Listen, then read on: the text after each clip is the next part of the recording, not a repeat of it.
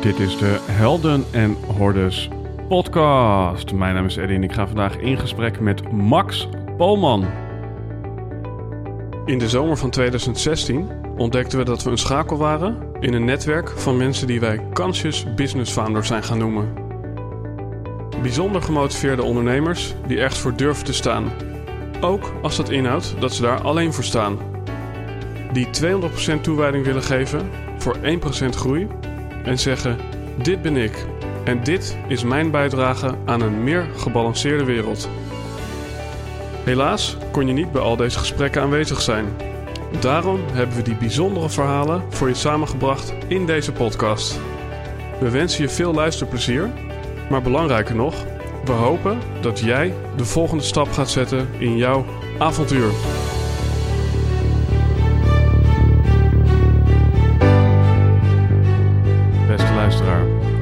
Even geleden dat ik op het balkon stond bij Peter Maasdam. Wie is nou Peter Maasdam? Als je hem niet kent, luister dan even de aflevering over entrepreneurship hier op dit kanaal. Want door die aflevering zijn wij vrienden geworden. En doordat wij vrienden zijn geworden, stond ik bij hem op het balkon. En doordat ik op het balkon stond, stond ik naast Max Polman. Een jonge god, uh, singer-songwriter en muzikant.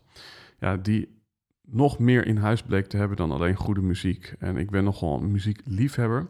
Ik uh, ja, beschouw zijn muziek als uh, ja, de betere singer-songwriting folk country muziek. En vind ik te vergelijken met bijvoorbeeld The Talisman on Earth. Nou, wie is nou Max en waarom heb ik hem nou gevraagd? Uh, Max is singer-songwriter, muzikant, geïnspireerd door genres als Americana en Outlaw Country. Daarnaast is deze duizendpoot Max gastdocent aan verschillende hogescholen, waar hij studenten inspireert met zijn visie op personal branding en musicpreneurship. Hij is ook ambassadeur voor internationaal bekende merken zoals Wrangler en Deus Ex Machina. En heeft hij een diepe passie voor ondernemerschap en gelooft hij stellig dat als je als mens multidisciplinair bent, dat het een het ander niet hoeft uit te sluiten, maar juist kan versterken. Als hij niet op het podium in de studio of voor een groep staat, dan kun je hem surfend vinden in de zee, of is hij in zijn eentje aan het kamperen met zijn motor Trudy. Ladies and gentlemen, Max Polman. Alright. Ladies and gentlemen en alles wat ertussen zit. Ik zit hier vandaag aan tafel met niemand minder dan Max Polman. Ja, yeah. Welkom aan boord. thanks man. Hoe kennen we elkaar ook alweer? Echt hè? Ja, door een hele mooie uh, gemeenschappelijke vriend. Uh, voor mij leermeester, mentor, Peter Maasdam. Ja, op zijn verjaardag. Ja. Zijn nieuwe huis hebben we elkaar ontmoet. Ja. Ja, voor de luisteraar, Peter heeft hier uh, ook aan tafel gezeten. Dus uh, u kunt even in de geschiedenisboeken bladeren. Ja. Uh, over geschiedenis gesproken. Wat is jouw geschiedenis tot nu toe zo'n beetje voor de luisteraar die jij nog niet kent? Um, even kijken hoor. Nou, ik ben, ik ben geboren en getogen Amsterdammer. In de Pijp geboren. En um, toen zijn mijn ouders naar Nieuw-West verhuisd. sinds dat ik acht was of zo, kwam ik in aanraking met skateboarden. Um, en ja, dat heeft me toen wel echt uh, mijn jeugd een beetje getekend. Als, uh, als het zijnde van uh, voelen wie je bent als, als, als jong kind. Dus daar, als ik daarop terugkijk, ben ik daar heel veel mee bezig geweest in mijn jonge jaren. En nou, in Nieuw-West in Amsterdam kon ik veel lekker buiten spelen. Het was nog niet zo, nog niet zo vol gebouwd als dat, dat nu is. Dus um, als een vrij kind uh, wel uh, opgegroeid. En uh, de middelbare school in Amsterdam, Jenaplan, of nee, Jenaplan was basisschool. Naar Dalton School, Spinoza Lyceum in Amsterdam gegaan. Um, beetje foute kant op gegaan, ook in mijn jeugd.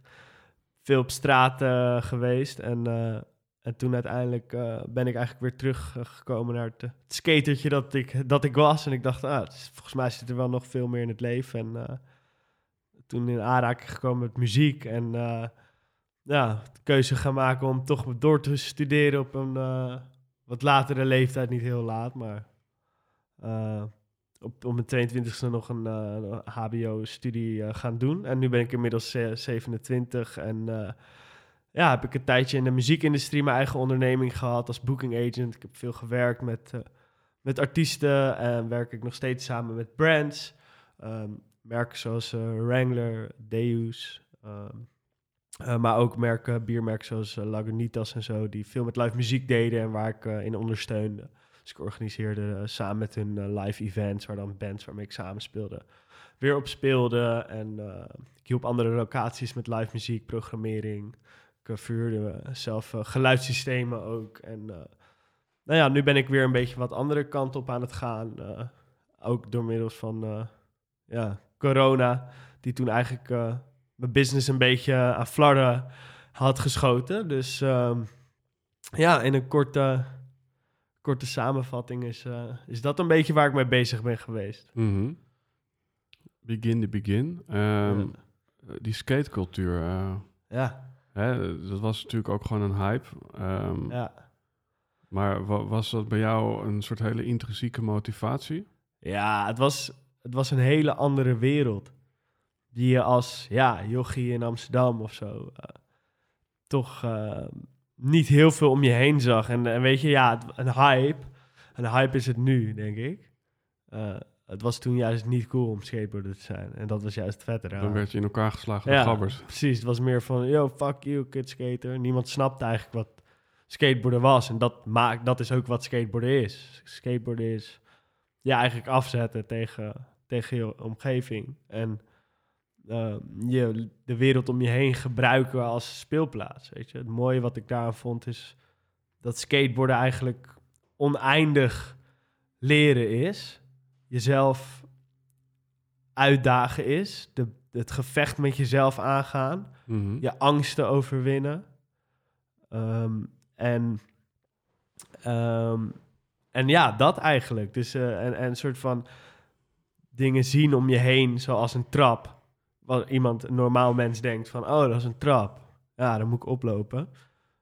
En een skateboarder daar gewoon een soort van uh, vijf uur plezier en angst en, en uh, inziet. Zeg maar, ja, uitdagingen ja, ja, inziet.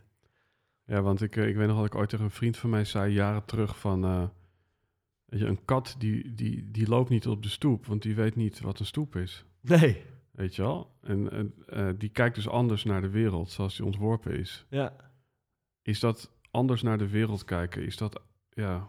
Zeker, is dat, is, dat is helemaal wat skateboarden voor mij was, weet je Het was, het was ook, ook natuurlijk in de kleding en in de muziek die je luisterde... had er nou allemaal mee te maken. Echt, uh, het voelde ook dat je onderdeel ergens van was, weet je Ja. En uh, ja, toen kon je wel al op internet toen, uh, ja, filmpjes checken en dvd's kopen. En uh, ja, je helemaal verliezen in die subcultuur wat, wat skateboarden is. En ja, ja. het heeft veel stappen gemaakt ja. sinds toen. En um, wat anders naar de wereld kijken. Ja.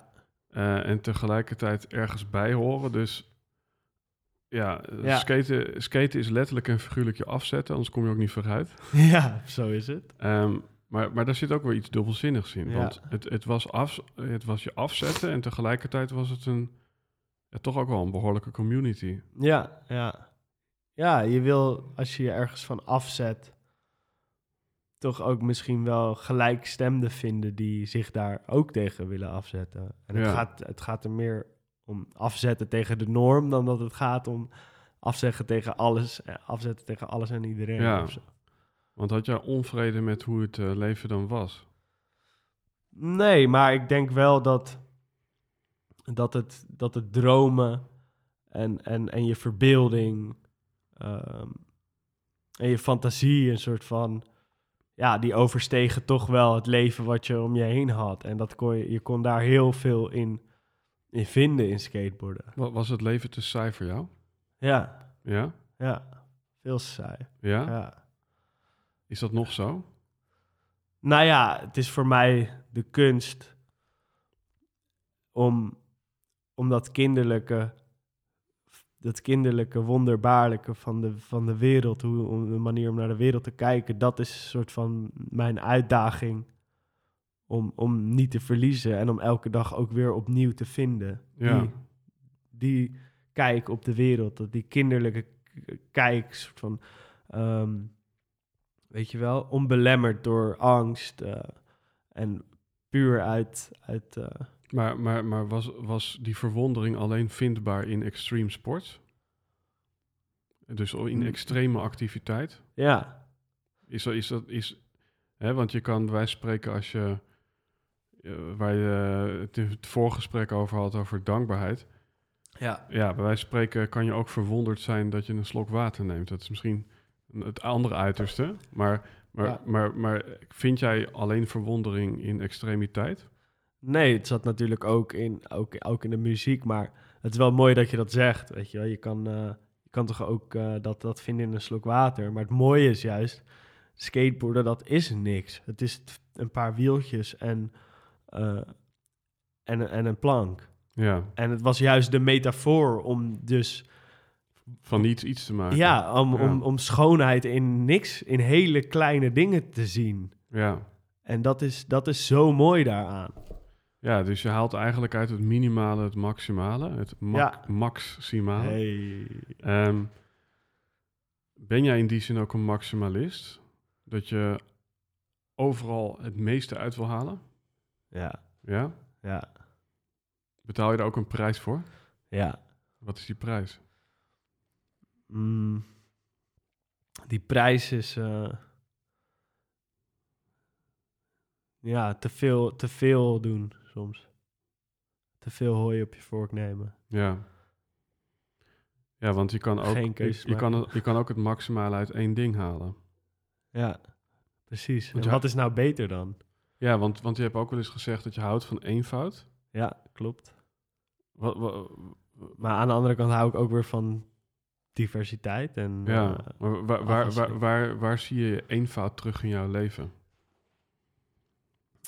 Nou, dat zoek ik zelf dus op. Dus ik heb best wel een eh rumoerig leven, laat ik het zo zeggen. Ehm, en eh, daardoor moet ik zelf echt ruimte creëren voor die eenvoud. Ja, En dat is juist ook waar ik e- echt, echt extra veel naar verlang. Dus nou ja, een manier waarop ik dat voor mezelf doe is eh, door afgelopen jaar ben ik bezig geweest met ja, hoe kan ik in mijn eentje op de motor. eh shout out naar Trudy, mijn eh wonderschone motor. Hoe kan ik alleen o- onderweg zijn met Trudy en verder niks nodig hebben? Dus eh, ik heb eh, gekeken naar wat voor tent heb ik nodig, hoe kan ik een gasstelletje meenemen, hoe ben ik gewoon zelfvoorzienend op de motor en kan ik verdwijnen in de bossen zonder dat ik iets nodig heb. En dat is iets waar ik nu veel naar verlang en veel voor kies. en is dat, is dat een, eh, is dat een, eh, een soort zelfgekozen eh, lastige shit, zoals Tibor zou zeggen? Een soort zelfgekozen ongemak? Ja, Of, of, of, of haal je er juist heel veel plezier uit? nee, maar het gaat allemaal over ongemak. Ja? Ja, je moet die ongemak opzoeken. Daar ben ik constant naar op zoek. Ja. En dat zijn, is niet alleen dat, maar dat is ook jezelf afpijnigen in een harde Training. En, en, waar, en waar, waar, waar in zo'n motorritje, waarin je in je eentje met een tent in het bos staat, waar, komt het ongemak dan op? Nou ja, bijvoorbeeld, eh, het was veel te koud vorige keer dat ik ging. Dus het vroor. Eh, dus ik had niet warm, geen warm genoeg kleren bij me. Dus ik lag in mijn eentje in de tent te bevriezen. Ja, dat is niet heel prettig. Nee. Maar ja, ik vind dat juist daar, dat, daar, dat vind ik juist weer, wel weer heerlijk eigenlijk. En wat gaat er dan door je heen? Want je zegt, ik vind het heerlijk, of vond je het daarna heerlijk? Daarna, ja, het moment Ja. dat je wakker wordt ochtends en de vogeltjes fluiten. En ja, het is ook juist een besef dat je wel heel veel dingen aan kan, weet je wel. En dat is juist ook wat ik, eh, dat is wel grappig, wat ik Joe Rogan ook heb ho- horen zeggen. Van ja, waarom traint hij zo hard? En wat, wat, wat, is, wat, is nou die, wat is nou het idee achter fucking hard sporten? En eh, koud douchen en dat soort dingen waar, we, waar nu heel veel over gesproken wordt. Wat is nou het effect daarvan? Door jezelf inderdaad in hele oncomfortabele situaties te zetten. Waardoor de rest van het leven gewoon iets makkelijker wordt. Weet je? Ja, The path of most resistance. Weet je Ja. en wordt het leven daardoor makkelijk? Want je kan natuurlijk ook steeds verder gaan. Op een gegeven moment kan je ook, eh, ja, bij wijze van spreken, eh, bij wijze van spreken, tel er ook nog 24 uur niet eten bij op in die tent. Ja. Ik noem maar wat, hè? Ja. Maar, maar is, er- is er een plafond voor jou? Van nu, is, nu is het ongemakkelijk genoeg? Zeker, ja. En waar Ja. zit dat? Nou, ik denk dat, dat ik dat niet heel relaxed zou vinden. Nee. om 24 uur niet te eten. Dus het gaat, het gaat niet om echt zo diep het ongemak aan te gaan. Maar dat, dat is meer... Kijk, voor mij is dat niet ongemakkelijk. Maar voor iemand anders is het koud hebben in zo'n tent. En die zegt van, oh, heb je het koud? En wat doe je dan? Een soort van, ja, ja niks. Je, je hebt het gewoon even koud. Ja, Dus het is heel erg een relativerende factor voor het dagelijkse leven. ja, We zijn zo gewend aan, aan alleen maar comfort. En, en daar, dat is meer het doel ervan. ja, Dingen die een beetje oncomfortabel zijn, hoeven niet onprettig te zijn. ja, Alleen als maatschappij, weet je wel, leven we alleen maar in 21 graden. En zodra het heel even koud is buiten, dan is het meteen van, oh ja, nee, dan ga ik weer naar binnen. Want daar zit, weet je wel. ja, Nou, ik probeer gewoon ook te leven in de elementen. Dus ook de hele winter, elke ochtend, het eerste wat ik doe is naar buiten gaan en buiten trainen. ja, En buiten zijn. En eh, ja, dat, dat is juist soort van het heerlijke aan mens zijn, is dat je die elementen kan ervaren. En die zijn soms niet altijd even prettig. Welke transitie heb je daarin gemaakt? Hè? Want ik kan me voorstellen, je bent nu 27. Ja, ehm, dat als jij inderdaad al begon met skateboarden, hoe oud was je toen? acht. Ja, dus, dus het soort van discomfort, maar ook het letterlijk en figuurlijk op je bek gaan en, Ja. weer, en weer opstaan. Ja, Eh, eh, veel doen, eh, veel bewegen. ja. Heb je daar nu een vrucht van geplukt? Kan, je- kan je zeggen van nou, eh, de max van toen was dit en de max van nu is dat?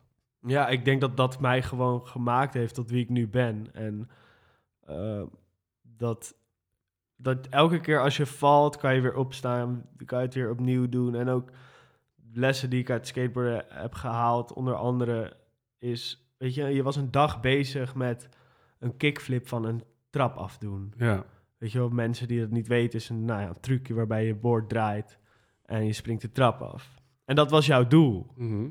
En je ligt helemaal open, het lukt niet. Maar die, die strijd met jezelf om jezelf ertoe te zetten om door te gaan totdat het lukt. En als het dan uiteindelijk lukt, dat, dat, dat gevoel, ja, en dat met jezelf aangaan, dat is iets denk ik wel wat, wat, waar ik nooit echt nog heel erg bij heb stilgestaan. Maar waardoor ik nog steeds heel veel dingen weer heb geleerd. Zoals bijvoorbeeld surfen, wat ik pas voor veel later, nu pas pa- een paar jaar geleden ben, me- mee ben begonnen. ja, En dat zijn sporten die een hele lange leercurve hebben. Dus je kan heel snel ongemotiveerd raken, omdat het gewoon niet leuk is in het begin. Mhm. Alleen dat besef van wat ik had van vroeger, van met skateboarden, van ja, het kan, het kan alleen maar beter worden. ja, En de ene dag gaat het lekker en de andere dag gaat het niet lekker. En dat is natuurlijk te resoneren op heel veel verschillende facetten in het leven. Eh, en ja, dat is wel, eh, denk ik, een transitie geweest als jong skatertje... wat me allemaal weer dat soort nieuwe dingen heeft Du- gebracht. du- dus je hebt meer vertrouwen in, in het proces daardoor. ja, Ja, en maar, maar had je zeg maar, want voordat je dat, dat skaten deed, ja. kan je dan zeggen dat je toen geen vertrouwen had? Want er was toen ook iets waardoor je dat bleef doen. Ja, maar toen was ik wel echt heel jong. Ja, nee, dat is, dat is waar. Maar ik bedoel, het is een beetje een kip-ei kwestie, weet je wel. Ja. Van, eh, Waardoor is het gekomen? ja, Ik denk dat het ook een karakterdingetje is. ja, ja, En eh, ik zag gewoon om me heen dat, dat als je iets wilt, en dan heb ik het, weet je wel, over, over sporten en dat soort dingen. Mensen zijn heel erg, hebben een idee van hunzelf dat ze, oh ja, ik ben geen sporter, of ik ben wel een sporter, of ik ben, weet je, ja. Je kan dat gewoon zelf elke dag weer opnieuw eh, besluiten wat je, wie je bent en wie je wil zijn en wat je wil doen. Dus op dat gebied dus bijvoorbeeld sporten, kan je, kan je elke sport leren. Maakt niet uit hoe oud je bent. Ik bedoel, Peter Maasdam, onze vriend, Ja, ja. die heeft nu ook net een skateboard gekocht. Ja, die is ja. 60, die gaat nu gewoon weer... Ja. dat vind ik, die mindset, dat is zo inspirerend. En dat, dat, dat ben je verschuldigd aan het leven. Om het gewoon te gaan proberen. Als je, als je benieuwd bent hoe iets is, een sport of iets, ga het dan gewoon doen. De Ja. reward is gewoon zoveel hoger dan, dan dat je het laat. En, je Ja. maar gaat, en dat is zo fucking cliché. Maar ja, clichés werken. Weet je, dat is, ja. die zijn clichés voor een reden, dus omarm ze. Ja, ja. Is er zoiets als één eh, versie van Max waar je naartoe aan het werken bent? Of, want je zegt net, weet je wel, eh, pro-sporter, pro-skater of, of, of, of ja, topartiest. Want, want je kan het eigenlijk allemaal ook wel een beetje op jou plakken. Ja, Ik bedoel, het woord pro is misschien niet overal meteen Nee. van toepassing, maar ja, je muziek, ik vergelijk het Ja. een beetje met de Talisman on Earth. Maar weet je wel, dat, dat is best wel, eh, als je dat in een playlist van de Talisman Earth zet, dan zal niemand opvallen van eh, dat, dat, dat, dat dat minder is dan, eh, Ja. dan het ander. Dus, dus dat is best wel hoog niveau, weet je wel? ja. Ja, ja, en dat is dus met... Kijk, met, met sporten is dat wat anders dan, dan mijn muzikale carrière, weet je wel. Met sporten hoef ik echt geen pro meer te zijn. Maar het gaat erom, hoe kan je, je jezelf daarin het meeste uitdagen? Dus hoe kan je de beste surfer worden die je kan worden? Hoe kan je de beste eh, kickboxer worden die je kan worden? En hoe kan je vooral jezelf... Hoe kan je vooral dingen leren waarvan je denkt dat je ze niet zou kunnen in het begin? En ja, met muziek is het wel iets wat zo'n groot onderdeel in mijn leven is... dat ik het inderdaad professioneel doe. Uh, maar eigenlijk komt diezelfde mindset daarbij kijken. Van ja, ik wil gewoon de vetste platen maken die ik kan maken. En dat zoveel mogelijk doen, Mhm. leven lang. Ja, En hoe kan ik dat doen? Ja, door, de- door er deels mijn werk van te maken. ja, En, en ja, dat is, eh, niemand maakt muziek om, om rijk te worden, weet je. Het is, je ademt het en dat is niet echt een keus of zo. Ja, wat het grappige is van, kijk, eh, je moet best wel eh, doelgericht of ambitieus zijn, misschien beter gezegd, om al die dingen Ja. zeg maar te doen. Ja, En toch heb ik ook in een andere podcast horen zeggen van Ja. ja, het gaat niet om het doel, maar om het gevoel, dat rijmt. ja, hey. Weet je wel, dus eh, als voorbeeld nam je toen dat je door je vader geloof ik Bob. Dylan leerde kennen. ja, En toen zei die interviewster van ja, ehm, was dat dan je ambitie om zo te worden? Ja. En toen zei jij, nee, maar het gaat erom Ja. dat je je zo gaat voelen. ja. Dus hoe verhou- verhoudt voelen zich tot doelen bij jou? Zie je, gaat het er constant om om je een bepaalde manier te voelen? Of ben je ook iemand die graag ja, echt eh, groene vinkjes wil zetten bij life goals? Mm, nee, het gaat echt om het gevoel. Ja, Dat is echt mooi gezegd.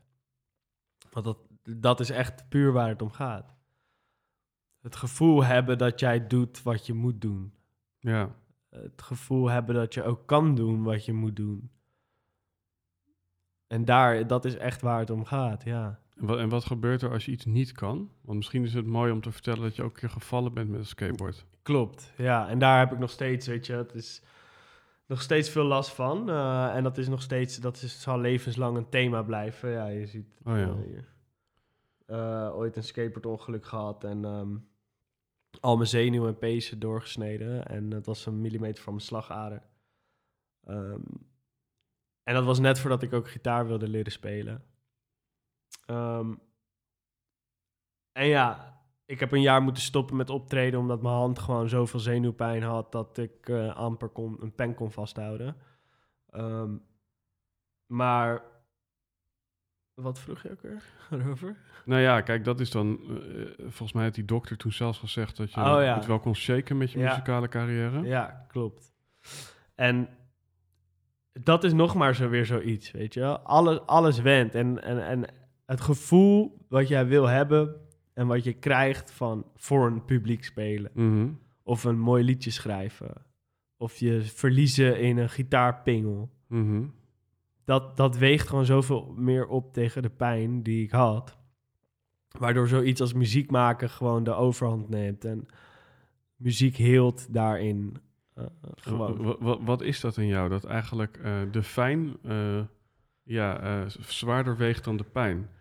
Ja, Want, want puur eh, zoals we kijken naar, eh, naar eh, ons oerbrein, ja, dan telt pijn vaak dubbel. ja, Weet je wel, één negatieve opmerking staat gelijk aan tien complimenten. ja. Dus wat maakte dat die arts toen zei van, nou, je kan misschien een jaar niet spelen, dat jij toen niet helemaal ja, rock bottom ging en het hele leven opgaf. Nou, ik, ik, ik speelde nog, nog geen eens gitaar toen. Dat was, ik had net een gitaar gekocht voordat toen dat ongeluk gebeurde. Ehm, wat heel erg positief was, omdat ik dus nog geen gitaar kon spelen. Dus ik weet ook niet hoe het was Mhm. daarvoor. Nee. Dus dat is, al, dat is al een positief uitgangspunt. Want ja, je hebt geen referentiekader hoe het was. Dus het kan in ieder geval niet tegenvallen. Dus dat Mhm. scheelt. Ehm, maar ik ben ook meteen weer gaan skaten. En dat, dat komt ook uit die skateboardmentaliteit. Alles komt weer terug op die skate-mentaliteit, weet je. Mhm. Al, wat ik om me heen zag waren gasten die ook maandenlang in het ziekenhuis lagen... omdat ze, eh, weet je wel... Maar het is gewoon... De, dat zit gewoon engraved in, in skateboarders. Dat je gaat, je, je valt, je staat op, je komt bij en je probeert het nog een keer. En er is geen keuze om het niet meer te doen, totdat je Mhm. het echt niet meer kan doen. En dat is ja, ook in, in mijn hand zo doorgegaan. Dus ik ben toen gewoon gaan spelen, heel veel jaren daar niet heel erg veel last van gehad. En toen ik heel veel ging spelen, toen kreeg ik heel veel last. Eh, en toen moest ik op, op een gegeven moment echt stoppen van... ja, shit, mijn hand werkt niet meer. Ik kan nu niet meer optreden. Eh, dus ook tijdens een optreden dat toen stil moeten leggen. En het, is, het zijn nog steeds waves. Ik heb ook nu net te horen gekregen dat ik dus niet geopereerd kan worden... om het te proberen te fixen. Dat willen de, de, de chirurgen willen dat niet aangaan... omdat het risico gewoon te groot is... om omdat ze niet weten wat, wat er precies onder zit. En ja, weet je, als je in zenuwen, dicht bij zenuwen gaat snijden, dan ja, je weet niet wat er gaat gebeuren.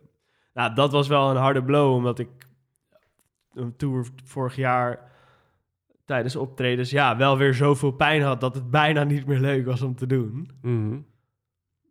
Maar ja, dan gaat het toch op een gegeven moment weer iets beter. En dan denk je, ja, nou ja, oké, kan het wel weer. Ja, Maar het blijft, wel, het blijft wel zwaar om daarmee om te gaan. Dat je denkt van ja, ik weet niet wat er. Ja, als dit echt zoveel meer gaat worden en eh, het wordt groter, ja. Wat als dan, als dan je hand eh, niet meer meewerkt of zo? Ja, Ja. je weet niet wat er gaat gebeuren. Maar toch, maar toch voel ik me verplicht aan het leven om, eh, en aan mezelf om, om, om toch te proberen totdat, eh totdat het niet meer kan. ja. Dus dat gaan we ook gewoon lekker doen. En eh, ik denk dat dat ook voor je hele mentale gezondheid gewoon heel erg positief is. En je daardoor ook zelfvertrouwen krijgt. En Zijn er dingen die jij ook echt gewoon doet voor je mentale gezondheid?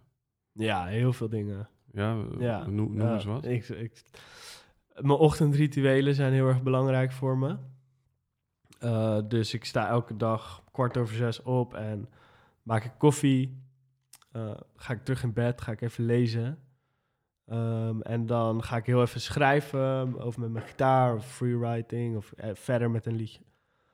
Voor een half uurtje. En daarna ga ik naar buiten, ga ik trainen.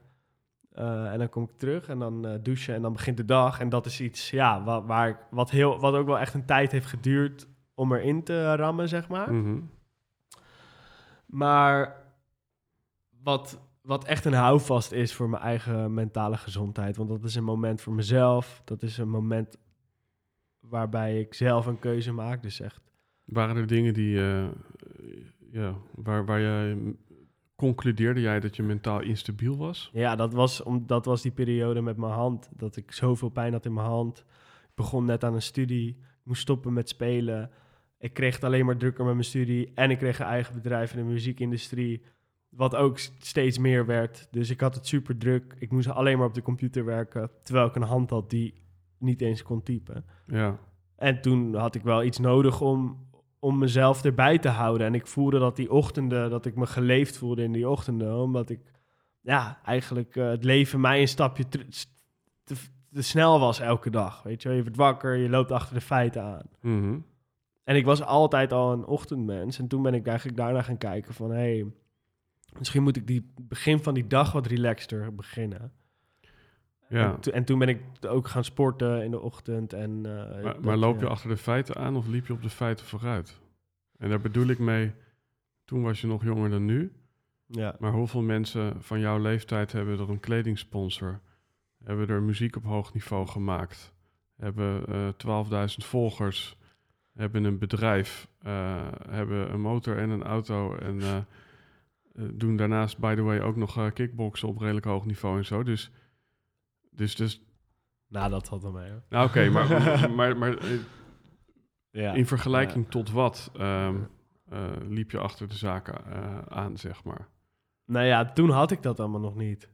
Nee. Dus dat begon toen net. Dus, ja, en... Maar toen deed je waarschijnlijk ook al heel veel dingetjes, of niet? Klopt, dat is waar. Maar eigenlijk kwam ik juist net uit een periode waarbij ik ja, eigenlijk echt een kutbijbaantje had. En ik dacht, ja, dit is niet wat ik wil, man. Het, er zit veel meer in voor mij. En dat heb ik altijd gevoeld. En dat weet ik nog steeds. Daar geloof ik in. Dat, ja, er gewoon...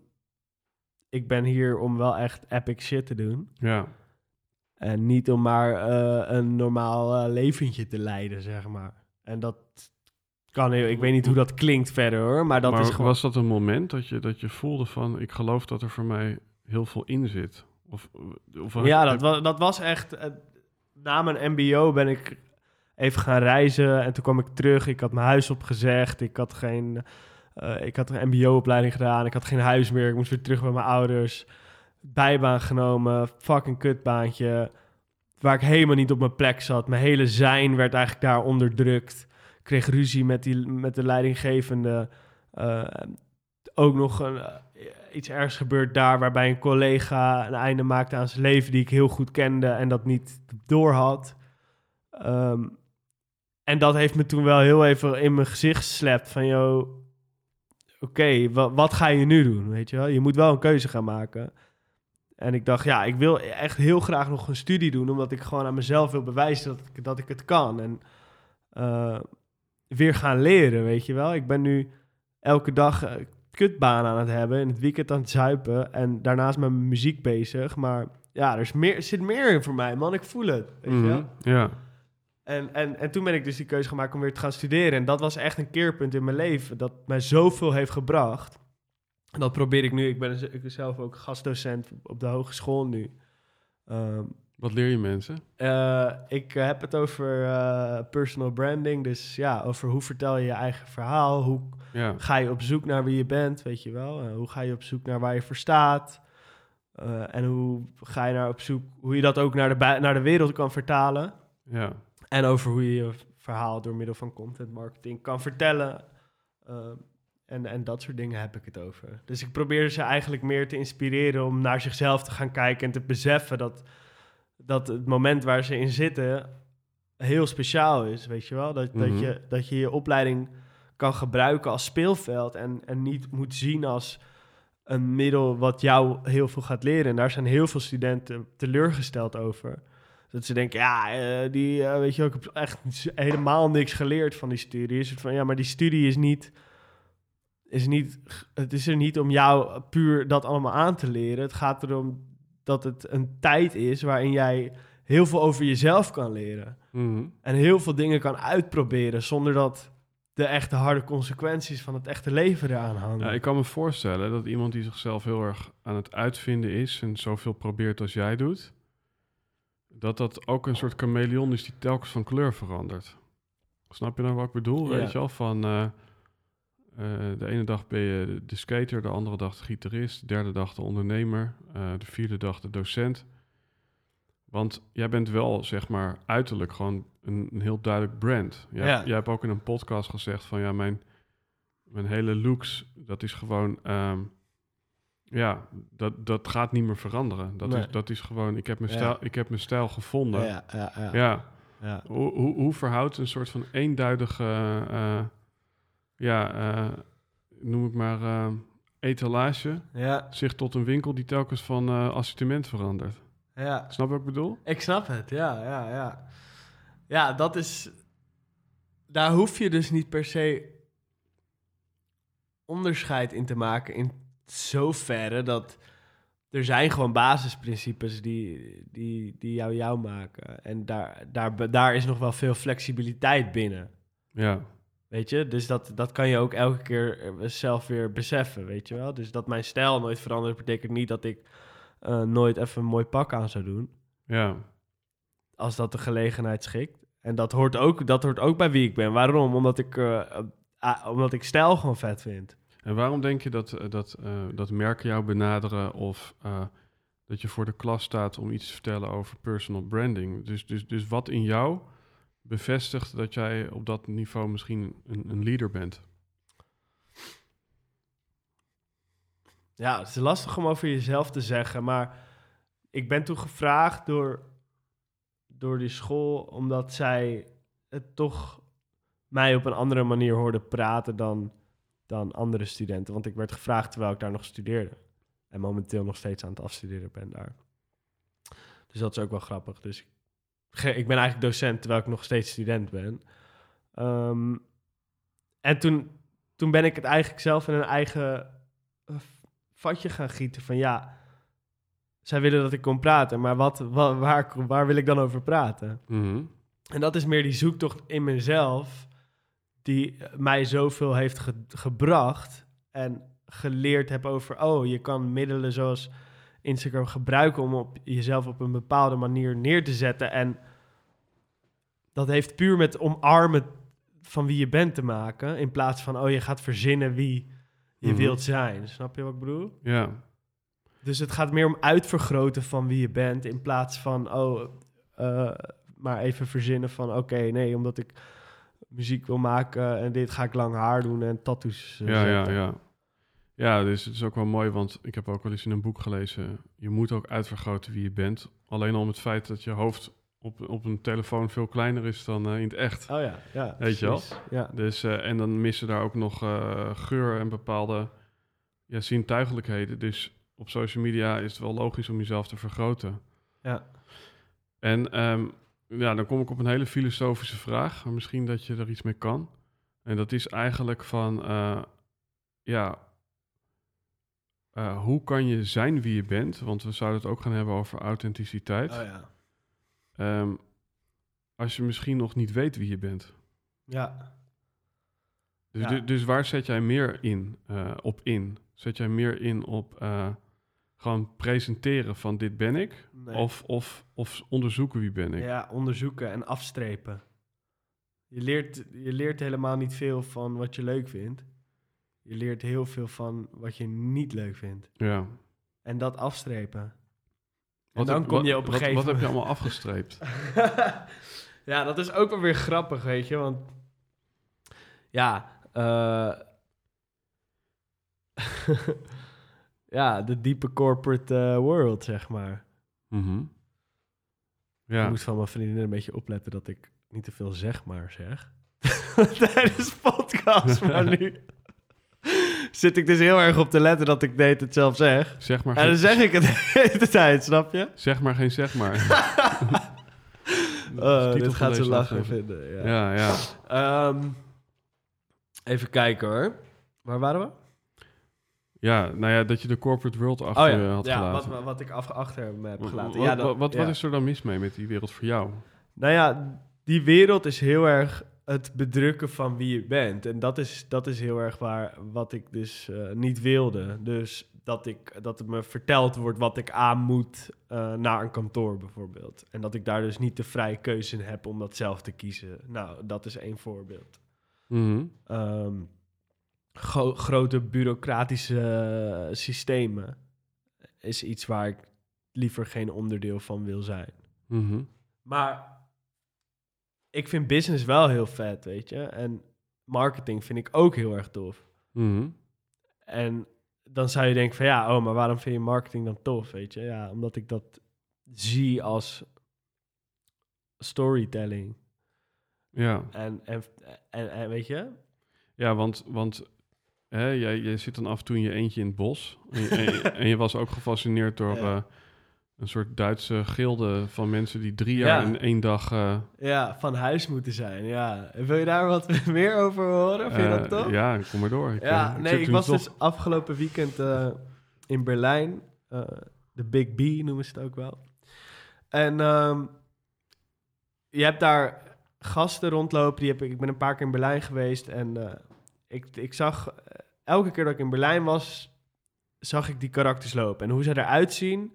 Ze hebben allemaal een soort van, het lijkt een beetje op Amis, zeg maar. Zeg maar. Ehm, maar ze zijn het niet. En ik, ik vroeg me altijd af toen ik dat zag. van ja, wat bete volgens mij betekent dat iets. Ik voelde al, voor, hier zit volgens mij iets heel dieps achter. Maar ik heb geen idee wat het is. Alleen ik, ik, was gewoon niet in staat om even naar ze toe te lopen, omdat het op een afstandje was. En toen afgelopen weekend in Berlijn was het uh, 1 mei daar, de dag van de arbeid. En toen stonden ze heel dicht bij mij op een feestje. Dus toen dacht ik, ja, oké, nu ga ik er naartoe toe gewoon. Uh, dus ik zei, hé hey man, mag ik je wat vragen? Uh, wat betekent het dan eigenlijk jullie? Wat, wat doen jullie? Ze zeiden, ja, kan je even meekomen lopen uh, naar achter, want het is hier heel rumoerig. Dan kunnen we het er even over hebben. Nou ja, toen heb ik vier uur lang heb ik met hem gepraat en ook met de andere gasten met wie die was, twee andere gasten. En hij zei, ja, ik ben op reis. En ik zei, ja, waar naartoe dan? Ja, weg van huis. Um, en ik zei, ja, maar, huh, maar wat dan? Hij zei, ja, dit is een oude Duitse traditie... waarbij jonge mannen onder de 30 uh, hun huis verlaten... zich aansluiten bij deze gilde en bij deze traditie, traditie. En wat dat betekent is dat je... je moet drie jaar en één dag moet je vertrekken van huis... en je mag niet dichter dan 50 kilometer in je huis... Uh, dicht bij je oorspronkelijke woonplaats vandaan komen... of dichtbij komen... Um, je mag nooit langer dan drie maanden op één plek zijn of werken. Je mag geen telefoon bij je hebben. Uh, verder ook geen contact met het internet. Alleen op, je mag je e-mail checken om eh, contact te houden met, met, met thuis en met je familie. Je hebt de traditionele werkkleding aan. Kan je maar bij drie telers in heel Duitsland kan je die op maat maken. Je hoed is heilig, die mag je nooit droppen. Allemaal regels verbonden aan die hoeden die ze op hadden. Uh, en verder allemaal regels die daaraan verbonden zijn. Het heeft heel erg mee te maken met, ja, eigenlijk, de, ze de journeyman vertaald. Dus een reis naar jezelf, op zoek naar jezelf. En het hele ding is dat je jezelf gaat leren kennen en andere culturen en mensen gaat leren kennen.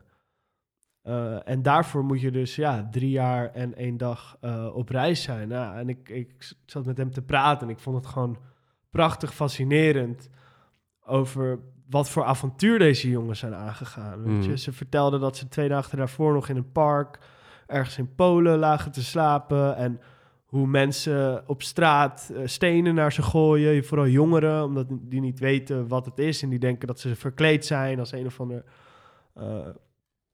attractieding.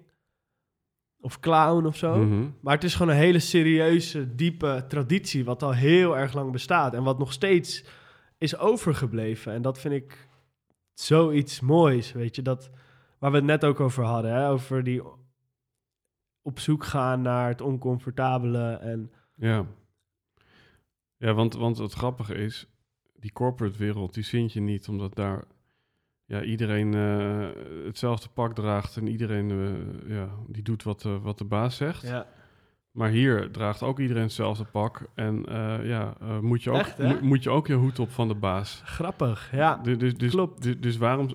Dus, dus, dus er is waarschijnlijk een wezenlijk verschil. ja. Dus wat, wat, wa- wa- waar is het voor jou dat verschil voelbaar? Ja, in, in de eh, in het geldaspect, hoe er naar geld verdienen ge- gekeken wordt. Corporate gaat puur op één, eh, gaat om één ding en dat is geld verdienen. En ehm, deze traditie gaat over respect, over het leren kennen van verschillende culturen, jezelf leren kennen. Ja, maar het is wel mooi wat je zegt, want je zei natuurlijk net al het woord jezelf bedrukken. Ja, Ehm, en, en eigenlijk is bij deze commune is het eerder jezelf uitdrukken eh, binnen de beperking. ja, Dus het is een soort on- heel ander vertrekpunt eigenlijk. ja. Ja, Ja, precies. Maar het is wel grappig, want het is natuurlijk wel zo, inderdaad. Als, oh, je vindt corporate niks omdat ze pak aan hebben... en vervolgens ben je compleet gefascineerd door die gasten... die allemaal pak aan hebben. ja, ja. Maar dat is dat, ook dat symbolische of zo, weet je... aan zo'n, aan zo'n hoed, dat dat dan zo, zo sacred is. Mhm. En dat ze allemaal van die regels hebben die gaan over respect... en voor elkaar zorgen. ja. Ik zat dus ook met, eh, ook met die gast zat ik te kletsen en uh, een van die andere guys die kwam aanlopen van ja, we hebben geen bier meer. En uh, hij zei ja, ik ga bier halen, weet je wel. En normaal gesproken, ja, als jouw maat op een festival of zo zegt of een random, weet je wel, ik ga bier halen, ik ben zo terug, ja, dan fladdert hij weg en weet ik veel of hij wat terugkomt of niet. En toen na een half uur zei ik ook van, joh, zullen we anders even ergens anders heen misschien? Hij zegt van, Nee, maar wij komen altijd terug. Altijd. Wij, als wij iets zeggen, dan doen we het. Ja, mooi. Ja, fucking vet, weet je. En dat soort... Dat soort dingen, die zie je ze niet meer zo vaak terug of zo. Het grappige vind ik ook wel, hè, van als, als je het hebt over marketing en storytelling, jezelf tot uiting uh, brengen op Instagram, dan zijn dit eigenlijk, behalve dat ze een opvallend pakje aan hebben, zijn het mensen die eigenlijk helemaal niet hun personality uitdrukken. Weet je wel? Dus ja. bij jou zit er ook iets interessants dat ik voel van aan de ene kant wil je de wereld over. Uh, heb je ook aangegeven dat je ja. met jezelf wil zijn en een beetje je, je pannetje met vissen op, op de kampvuur wil zetten. Ja. En aan de andere kant, ja, weet je, je, krijgt uh, geen uh, eh, 12.000 volgers door niks te doen. Ben je ook iemand die zelf heel erg profileert. Ja, klopt. Dus dus, dus... Ja, ik vind de balans daartussen dus gewoon zo heerlijk. Want ik hou echt van het snelle leven, weet je, op tour zijn en dit iets doen wat ik...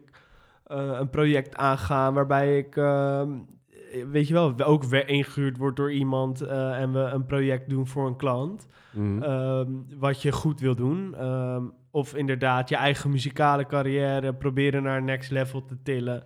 Um, en op tour zijn en dan weer uh, s'avonds op tour zijn, s ochtends weer bij die klus beginnen. En ja, uh, denken, hoe, oké, hoe kan ik uh, mezelf beter neerzetten op de middelen die ik gebruik online. Door een grotere fanbase aan te spreken. en mensen meer in contact te komen met me, laat, of um, in, in contact te laten komen met muziek. Maar aan de andere kant heb ik wel die escape soms gewoon nodig om, om in dat leven te floreren. Ja, en ja. Ik, ik, denk dat je ook niet hoeft te kiezen, toch? Tussen het ene of het ander. Nou ja, en, en dat, dat is natuurlijk interessant van... Uh, ik bedoel, uh, ik denk dat er niet zoiets is als zo zit het. Nee. Maar goed, ik heb veel les gehad van Tibor en die zegt natuurlijk van... ja, als jij niet kiest voor één vrouw bijvoorbeeld if you confuse, you lose, weet je wel. Ja, dus, ja, precies. Ja. dus dan wordt het een beetje een zootje. Ja, Dus hij is heel erg van de leer van je maakt één ding heel groot. Ja. Weet je wel, een raketje door de ozonlaag noemt hij dat. Ja. En als dat er doorheen is, dan heb je geen zwaartekracht meer. En dan gaat het dus eigenlijk moeiteloos. Ja. Dus stel, je gaat met één hit door de ozonlaag. Ja. Ja, dan kan je daarna ook jury worden van The Voice, wat nu een beetje controversieel is geworden. Maar je kan ook een regie gaan uh, doen van een film. Dus dus, dus bij hem is het heel erg, doe één ding en maak dat heel groot. En ga daarna nog allemaal andere... En eigenlijk is dat Peter Maasdam ook, hè? Ja, klopt. Die is natuurlijk helemaal gegaan voor zijn ondernemerschap. Ja. En nu die, nu, nu die eigenlijk zijn schaapjes op bedroog heeft... Uh, begint hij op zijn 60 te skateboarden, ja. uh, vakanties te boeken, uh, te ja. schilderen. Ja. Maar jij hebt er heel duidelijk voor gekozen om gewoon in het leven zelf... al gewoon heel veel dingen te doen. Ja, het is ook gewoon een bepaalde onrust. Misschien, die, die, die deze mannen niet hadden.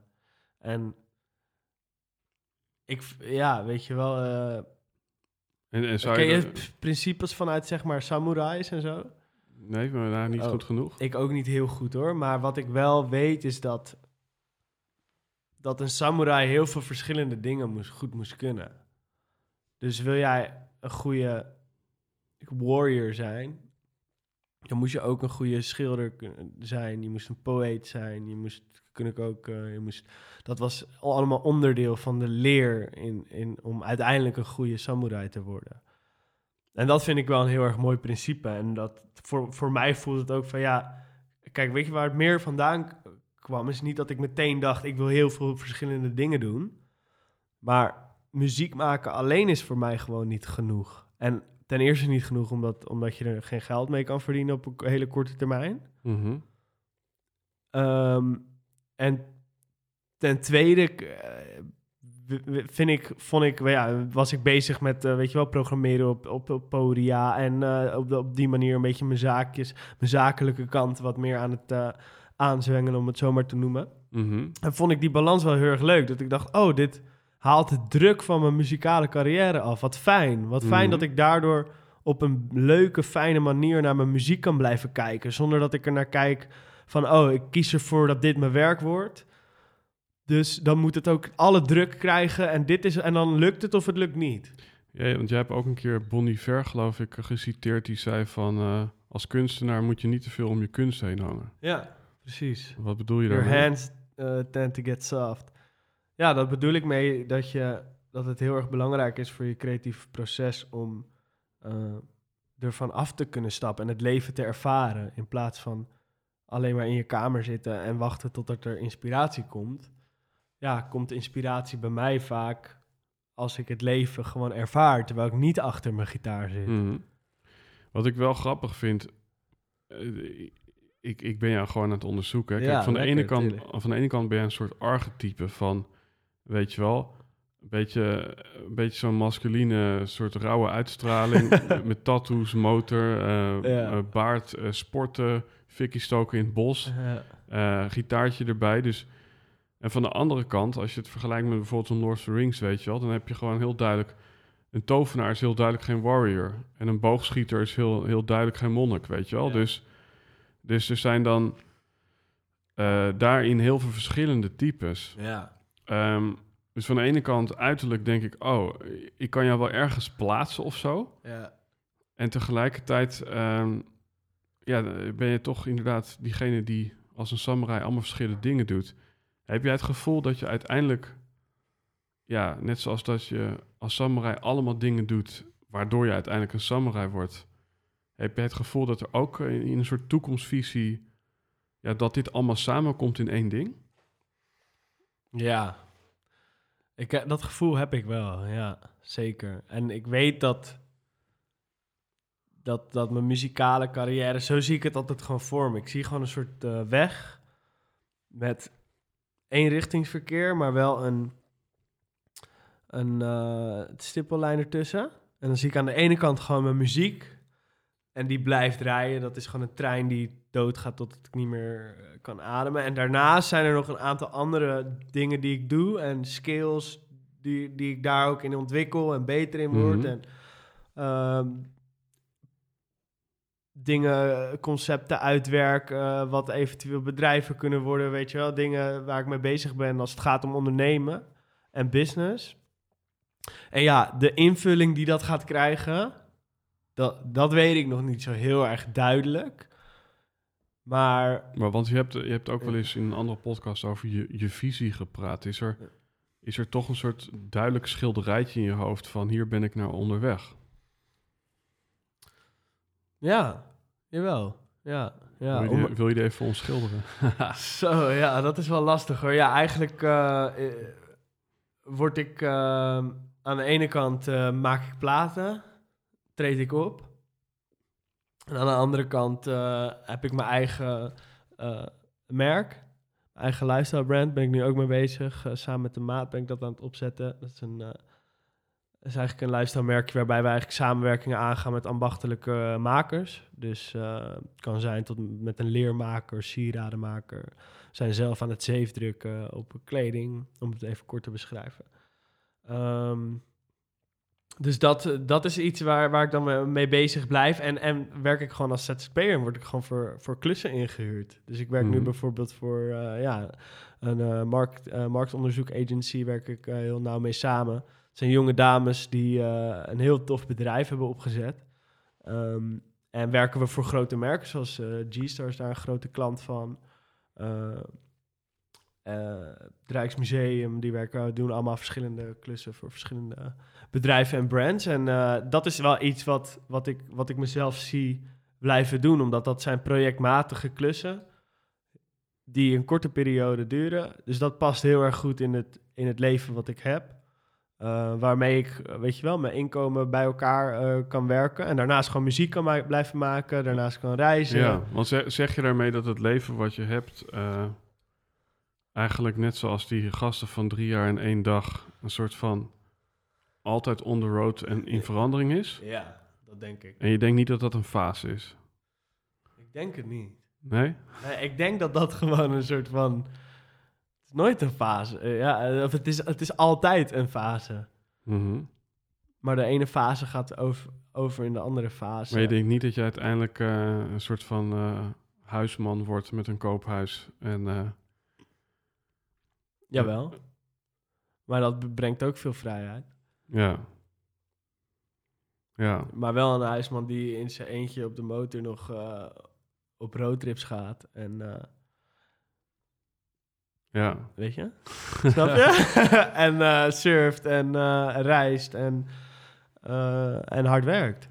Mhm. Maar die, ja, kijk, het idee van gewoon vastzitten in een bepaald stramien en dat, ja, daar word ik gewoon bang van.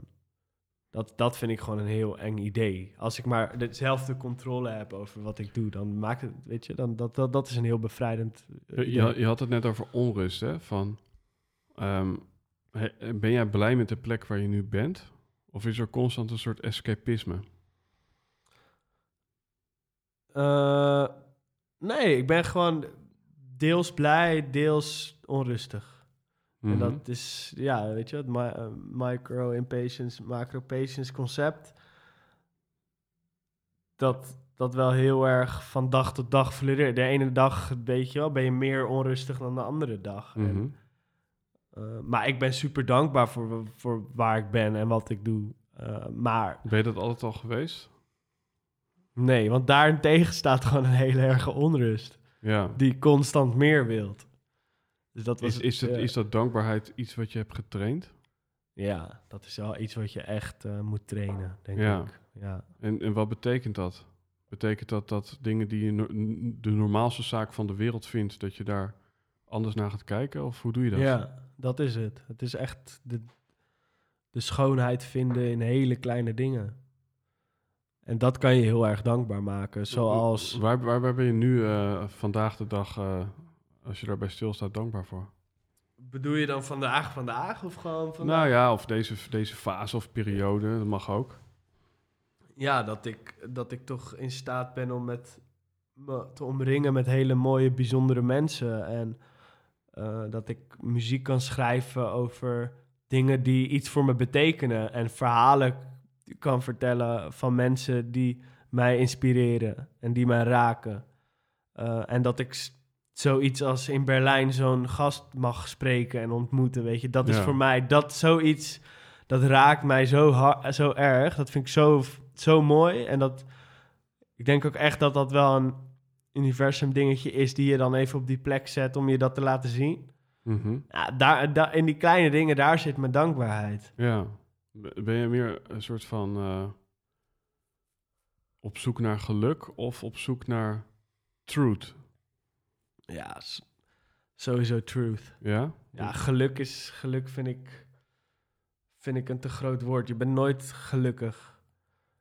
Constant. Nee. Geluk komt, weet je wel, je ene moment ben je blij en het ene mo- emoties komen en gaan. En het is meer tevredenheid eh, waar je naar op, op zoek bent, denk ik, dan ja, geluk. Weet je wel? Kan, kan jij tevreden of dankbaar zijn op het moment dat iets helemaal niet lukt? Of, ik bedoel, ik snap wel, dat is natuurlijk een domme vraag in die zin dat... Nou ja, nee, ik vind dat wel een mooie vraag ook wel weer. Ja, want, Ja. want toen jij bijvoorbeeld eh, die, met die open arm lag, kon je toen, on- ongeacht de pijn of de situatie, was er daar doorheen nog iets waar je contact Ja. mee kon maken van, van, van dankbaarheid? Ja, letterlijk die dag dat ik wakker werd in het ziekenhuis, eh, resoneerde er een boodschap soort van door mij heen van... Ik besefte, dat, was, dat, dat is ook het hele personal branding soort van dingetje wat ik toen heb geleerd. Van, yo, wat de fuck ben je bezig met hoe mensen jou zien? En ik twijfel over, ja, en misschien wil ik wel een tattoo op mijn hand, misschien niet. Want misschien dat iemand wel er iets van vindt en dan dit. En ja, op dat moment dacht ik, ja, yo, iedereen zegt het altijd, weet je. Het leven kan elk moment over zijn. Maar op dat moment, dan, Ja, ja. dan snap je dat echt. Dat het echt elk moment over kan zijn. Ja, Want het was een millimeter van mijn slagader, anders was ik doodgebloed daar op straat.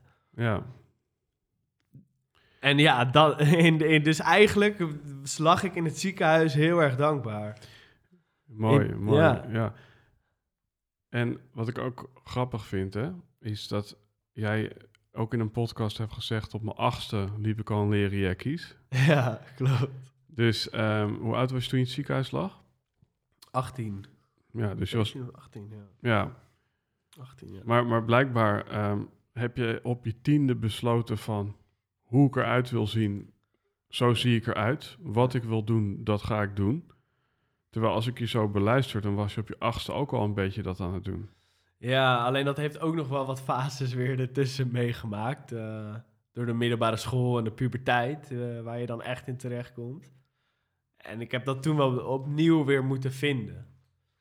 Maar dat heb ik wel kunnen vinden doordat ik dat al op zo'n jonge leeftijd had. Weet je, ben, ben je ook gepest of bekritiseerd?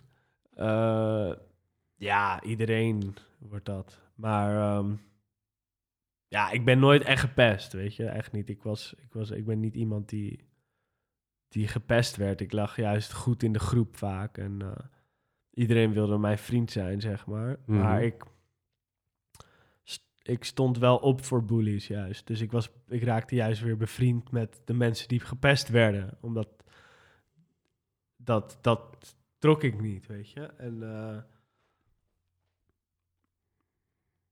ja, ik, ik ben wel bekritiseerd in de, in de paden die ik toen heb afgelegd, zeg maar. In, in dat ik, dat ik van skatertje naar uh, straatrad uh, ging. Ja, dat mensen echt dachten, ja, wat, doe, wat de fuck ben jij nou aan het doen, weet je? Gingen mensen jou altijd nadoen of dachten ze, je bent gek, ik, ik, ik, ik laat je achter? Nou ja, een paar hebben wel nagedaan. Maar het was ook het hele circuit waar ik, waarin ik terecht kwam, die eigenlijk allemaal een beetje dat pad op ging. Mm. Dus ja, het valt mee. Even nog een afslag. Uh, uh, ja. Het thema eenzaamheid. Um, um, jij zei toen van ja, eenzaamheid, daar bedoel ik niet mee dat ik een Einzelganger ben. Dus, dus, dus waar, waar zit voor jou dat verschil en wat bedoelde je daarmee? Ja. De, dat bedoel ik meer met dat. Mm, dat alleen zijn niet per se eenzaamheid is. En dat alleen zijn ook niet per, per definitie betekent dat je een eindzoganger bent. Ook niet als je het fijn vindt om veel alleen te zijn. Mm maar er wel, maar de, de balans daarin vinden tussen en er zijn voor je mensen wanneer je er moet zijn. Mhm. En voor jezelf kiezen en alleen zijn wanneer dat nodig is. Uh, En daar je rust in vinden. Ja. En daar dus niet je eenzaam in voelen, omdat je de connecties die jij maakt met mensen uh, in je leven, die zijn eigenlijk altijd bij je, zeg maar. En dat. Want, uh, want jij, jij, jij hebt wel eens gezegd ook van uh, dat je eigenlijk vroeg mam en pap, wanneer gaan jullie even weg? Want dan was je even lekker alleen. Ja. Wat vond je in die, in dat, in, in, in die oneliness, noem ik het even? Ja. Dat is een middeleeuwse term voor een met Oneliness. Ja. Ja, dat... Wat je daarin vond, dat was pure fantasie. Je hele eigen wereld creëren in je hoofd dat ik Pirates of the Caribbean keek of zo. En dan uh, helemaal in, kon verbeelden alsof ik een piraat was. En in het, op, weet je, dat leven leefde. En uh, voor, die, voor, die vast, voor die fantasieën en die verbeelding, daar is ruimte voor nodig. En dat heeft zich later ook, denk ik... Uh, ja, ik ook de, ook de mensen waar ik fan van was. Pro-skaters waar ik fan van was. Gewoon, ik, ik was hun gewoon. Rodney Mullen. Nou ja, hem vond ik wel vet, maar uh, meer wat, ander, wat andere, wat meer rauwe skaters. Nou nee, dat is ook weer gelul. Geen rauwe skaters, maar wat stoerdere skaters, laat ik het zo zeggen. Mm -hmm. uh, ja, ik was echt toen ik elf was heel erg fan van Ryan Shackler. Ik weet niet of je ja, ja. ooit van gehoord ja, hebt. Nee, kijk, ik bedoel, je hebt het niet, niet tegen een vreemde. Nee, ik, daarom. Ik zei het in het vorige gesprek. Uh, ik had vroeger een, uh, een skateboard website in de buurt. En dan belden mensen bij mijn ouders aan... Uh, ik kan een nieuw trucje en dan moest ik het filmen en op de site zetten. Ja. Ehm, dus ik ken al die skaters. Ja, weet ja, je wel? ja, Eh, precies. ben Ja. McGurra is ook een beetje een... eh, Ja, dat Bijna. is, dat is ook wel vet hoor. Eh, Jackass en zo, al die gasten. Ja, man, echt. Dit is ook echt, echt zo'n gesprek van... wij, wij, ik kijk op de camera in van... Die, die Ja. mensen die denken echt zo van... Waar heb je het Ja, over dan? Echt zo van... Ja, oh, ja Jackass. Oh ja, ja. Luister je ook naar hem dan? En eh, luister je dan ook naar... eh, of eh, keek je dan ook naar Rake John? en ja, wat, de mensen denken echt, waar heb je het over? maar dat was gewoon onze wereld. Ja, dat was, en, dat, en dat is dus die verbeelding. die, die verbeelding, die fantasie die, die ik had vroeger. Waardoor ik mezelf helemaal kon verliezen in, in dat soort dingen. Ehm, en dat heeft denk ik wel zich vertaald later naar songwriting en, en muziek luisteren. En, en echt naar muziek luisteren en daarbij dingen zien. En, en, en een soort van muziek gebruiken als tijdmachine om in andere levens eh, terecht te komen en andere perspectieven te zien. En ja, dat is, dat is zo vet gewoon. Ja, want, want kon je, eh, toen je fantaseerde over Pirates of the Caribbean, was dat de tijd dat je daar geen handen en voeten aan kon geven? Want, want muziek is dus een, een uiting van die binnenwereld. Ja. Kon je daarvoor daar geen uiting aan geven? Ja, ja en dat deed ik. Dat, dat, daar vond ik dus skateboarden in. Ja. Daar kon ik dus mijn uiting in geven. In die droomwereld, in, eh, in die verbeelding.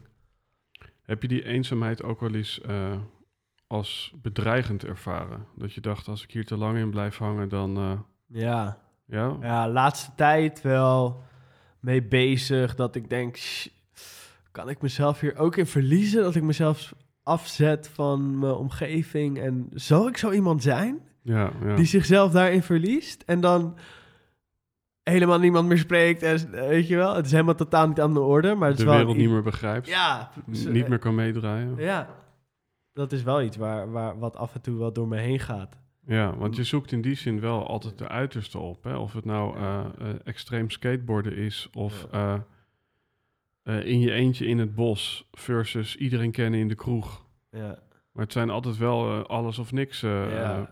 shows. ja man. Ja. Is, is, is, is, is, is die intensiteit, is, is dat ook iets wat, eh, wa- wat bij je blijft, denk je? Dat vraag ik me heel erg af. Ik heb ooit iemand gehoord die zei, op de rand van de afgrond groeien de mooiste bloemen. Ja, vet. ja. Ja. Ik vind dat nu al mooi vent. Of vrouw. ja, dat is ook een muzikant. Oké. Ja, ik, ik denk het wel. En ik denk dat dat ook, als ik het heb over... Oh, wat, wat probeer ik iemand te leren op zo'n school? Als ik daar sta als gastdocent.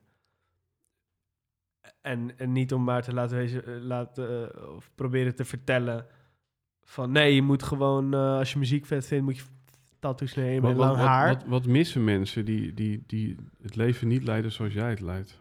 In jouw ogen. Het, het omarmen van wie ze echt zijn. En daarmee bedoel ik je positieve en je, en je, en je slechte kanten omarmen. En eh, waar, het probleem wat ik zie om me heen is dat mensen die niet omarmen wie ze zijn, uiteindelijk dus iets gaan doen waar ze totaal niet blij van worden. Daardoor depressief raken, maar eigenlijk niet weten waarom ze depressief raken, omdat ze niet weten dat ze het eigenlijk zo kut vinden. Mhm. Maar het is hun gewoon aan- aangepraat dat dat de manier is hoe je succesvol wordt in het leven of ehm, wat, dat dat belangrijk is. Wat, wat zijn wat huistuin- en keukentips voor iemand die zichzelf meer wil omarmen? Ga wegstrepen van wat je vooral niet tof vindt en leuk vindt. Mhm, En dus ook, ook de mensen die jou niks brengen. mhm. Daar ook eens goed naar gaan kijken van, is dat wel waar je... Is, is, jouw cirkel, is, is jouw cirkel daardoor kleiner of groter geworden van, van, van vrienden? En, eh, Ja, die is kleiner geworden. Ja, Ja. Ik, heb, ik heb in een keerpunt in mijn leven wel eh, mensen gedag gezegd, ja. ja. Want dat, ja, dat heeft ook puur met echte fouten En zijn dat dan mensen die eh, die je hebt afgestreefd omdat ze bijvoorbeeld te weinig progressie boekten of te negatief in het leven stonden? Wat, wat, ja, wat- te negatief in het leven stonden inderdaad. ja. Een hele... Ja... Boze kijk op de wereld. ja, ja. En dat is heel erg zonde. Heb jij, Ja. heb, jij, heb jij wel eens een periode heel boos naar het leven gekeken? Ja. Ja, zeker in mijn puberteit wel, ja. Ja. Wie niet? Welke puber niet? Nee. Toch? En heb je het idee dat dat gewoon eh wegappte? Of was het iets waar je ook weer ja, een aanvalsplan op had? Ja, het is gewoon... Het is gewoon niet houdbaar. Het is gewoon vermoeiend, man. Mhm. Het is gewoon vermoeiend om zo boos naar de wereld te kijken. En ik heb er laatst ook een liedje over geschreven, over het concept optimisme versus pessimisme. En wat, wat die verschillen zijn en waarom, waarom iemand een pessimist wordt en waarom iemand een, een optimist kan worden en er ook voor kan kiezen om een optimist te zijn. En ja, veel mooie gesprekken over, over gehad, ook over dat concept. En ook wat, wat onderzoek naar gedaan. En Mhm. Kom ik toch weer terug op Obama. En daar heb ik ook wat meerdere. Dit is ook een soort spirit animal voor mij. Waar ik soms altijd even naar terug ga als, als, als ik misschien even boos word op de wereld. Of, eh, Mhm. Dan vind ik dat altijd heel Want je erg, zegt, eh, je zegt niet eh, dat, dat, dat je niet eh, negatief of verdrietig of zo mag zijn. Dat is niet wat je zegt. Nee, dat, dat is het helemaal niet. Nee. Dus, dus nee. Maar Het gaat meer om, om, om aanknopingspunten te vinden waar je zelf naar terug kan. Zodra je merkt dat je daarin gaat zitten. ja. Dus ik, dus, dus ik keek, ik keek een, ik- een fragment van eh, een groep studenten die Obama interviewt, weet je. En die vragen van, hey, hoe hou je het vol dan? Om met al jouw kennis die je hebt, al die terroristische aanvallen, overal waar jij mee bezig bent... En wetende wat eigenlijk eh, op het spel staat en hoe snel eh, alles eh, naar, de, naar, de, naar de kloten kan gaan in deze wereld. Mhm. Hoe, hoe blijf jij zo'n blij mens? En dan hij zegt, ja, weet je wat het is? De day-to-day struggles, die heeft ieder mens. En die komen en gaan. En als ik me daarop ga focussen, dan is het leven niet heel leuk. Maar pessimisme komt wanneer je veel te veel in het hier en nu zit. En naar, die, naar de kleine dagelijkse dingen gaat kijken. En optimisme vormt zich eigenlijk vooral wanneer je een langere, bredere kijk op, op, op het leven Ja, gaat het is hebben. super grappig eh, in deze hele podcastreeks dat je dit nu zegt. Eh, kijk, ik heb wel eens een quote gehoord: eh, realisten hebben de waarheid, maar idealisten hebben de toekomst. En dat valt hier een beetje mee Ja. samen. Ja. Ehm, maar wat er ook, wat, wat ik er interessant aan vind, is dat we horen natuurlijk overal de kracht van het nu. Ja, En, precies. en, en ook het zijn de kleine dingen die je doen. ja, ja, En jij zegt eigenlijk, nou ja, dat, dat, die kleine events op de timeline, it doesn't matter. En dat vandaag misschien een rotdag is, it doesn't matter. Nee, precies. En, dat, en dat is zo controversieel Ja. eigenlijk in deze serie. Heerlijk. Oh, heerlijk vind ik dit, ja. Dus als, het, als deze aflevering eh, een, een, eh, een, een, een titel zou krijgen en je wil een, een beetje clickbait, dan zou het bij wijze van spreken zijn van eh, vermijd het heden, omarm de toekomst. Ja, dan, heb je wel, dan heb je wel gewoon iets te pakken, denk ik. ja man, vet. Ja, vet. en daarmee zijn we ook bijna rond met deze aflevering. En misschien is er zoiets wat je misschien ook aan je leerlingen vertelt, of wat je jezelf moet vertellen op het moment dat je even ja, het zo koud krijgt in die tent dat je denkt de tyfus. Ja. Misschien is er iets wat je, wat je, wat je higher self jou vertelt, of wat jij je studenten vertelt. Ehm, op het moment ja, eh, dat je even ja, weer in beweging wil komen. Ehm, is, is er dan iets waarvan je denkt, nou dat zou ik mensen op dit moment in mijn leven eh, willen, willen meegeven? En wat bedoel je met in beweging komen? Nou, je zit vast. Dus je Je zit vast. Ja, dus je zit vast in, eh, in, in een vervelende gedachte. Of in een overtuiging, ik mag mezelf niet zijn. Ja. Of je zit Ja. vast in een rotbaan, een corporate Ja. baan. Maar, wat, maar wat, wat, wat- Elke dag is een nieuwe dag om, om weer het tijd te keren. Mooi, Elke dag, weet je? mooi man. Dat is het. De tijd leert... Elke of- dag gaat de zon weer opnieuw. Is volgens mij eh, brainpower of zo, van de tijd eh, leert dat de tijd keert en de liefde voor muziek blijft met drijfveer. Sick. Ja, hij was ook niks voor niks. Hij was ook echt een goede rapper. Ja, toch? Ja, Ja. dus ehm, ja man, eh, many thanks. Joy- joyful spirit. Ehm, Ik hoop dat het een beetje sens maakt allemaal. Ehm, ik vond het heel erg tof om te doen weer. En ik had nog wel eh, een uur door kunnen. Ik zit er net lekker in. Dat heb ik altijd met de podcast, man. Dat ik net, weet je, als je dan een tijdje even niet doet, dan ga je er weer in en dan eh, zit je er aan het eind net lekker in. Dat je denkt, oké, ik heb nu de crux te pakken en dan is het voorbij. Dus, dames en heren, als jullie abonneren op dit kanaal, een speciale aflevering met Max deel 2, ehm, kost 1000 euro eh, aan eh, Patreon. Nee, allemaal gelul. maar we kunnen misschien kijken of we nog een tweede deel opnemen. Ik ben voorbij aflevering 100 en toen mocht ik van mezelf mensen voor een tweede keer uitnodigen. Nice. Ehm, ja, is er nog één plek waarvan je zegt, eh, nou, die gast die niet te volgen is, die wil ik eigenlijk wel volgen. Eh, waar moet ik zijn? Ja, dan moet je gewoon op eh, Instagram zijn. Ja. Ja, En op Max Polman Music. Daar kan je me vinden en ja, daar neem ik je mee in mijn leven. The highs and lows, the wind and blows and everything that goes with it. Ja, laatste tijd wel, moet ik zeggen, iets minder ook ermee bezig geweest. En op een, eh, ja, misschien wat meer... eh, ehm, minder intieme manier dingen gedeeld. Maar ik ben wel weer van plan om dat weer meer te gaan doen. Want eh, daar haal ik ook veel uit. En, ja. Dus Ja, mooi man. Voor de luisteraar, kijk in de camera. Ehm, dit is jouw camera, Max. Oh ja, precies. ja, maar jij zegt kijk in de camera, maar ik dacht... Oh nee, jij kijkt in de camera. ik, ik, ik moet denken aan eh, Kevin Spacey in House of Cards. Oh ja, Die dan in één keer zo zegt... Really? Are you, are you watching? Weet je wel, dan gaat hij Oh, ineens, gaat hij ineens een spel spelen met de camera, weet je wel? Dat is echt dan fucking evil. Ja, En nu denkt de luisteraar, waar gaan die gasten heen, weet je wel? Nou, oké. Anyhow, als je over deze aflevering wilt meepraten, hashtag Helden en Hordes op Twitter, op Instagram, op Facebook. Vergeet je zeker niet te abonneren op het YouTube-kanaal. Komt heel veel moois aan. Of op Instagram komen heel veel toffe reels aan. Heel veel korte fragmenten van deze eh, episodes. Eh, eh, Max, leuk dat ik je heb leren kennen. Ja, man.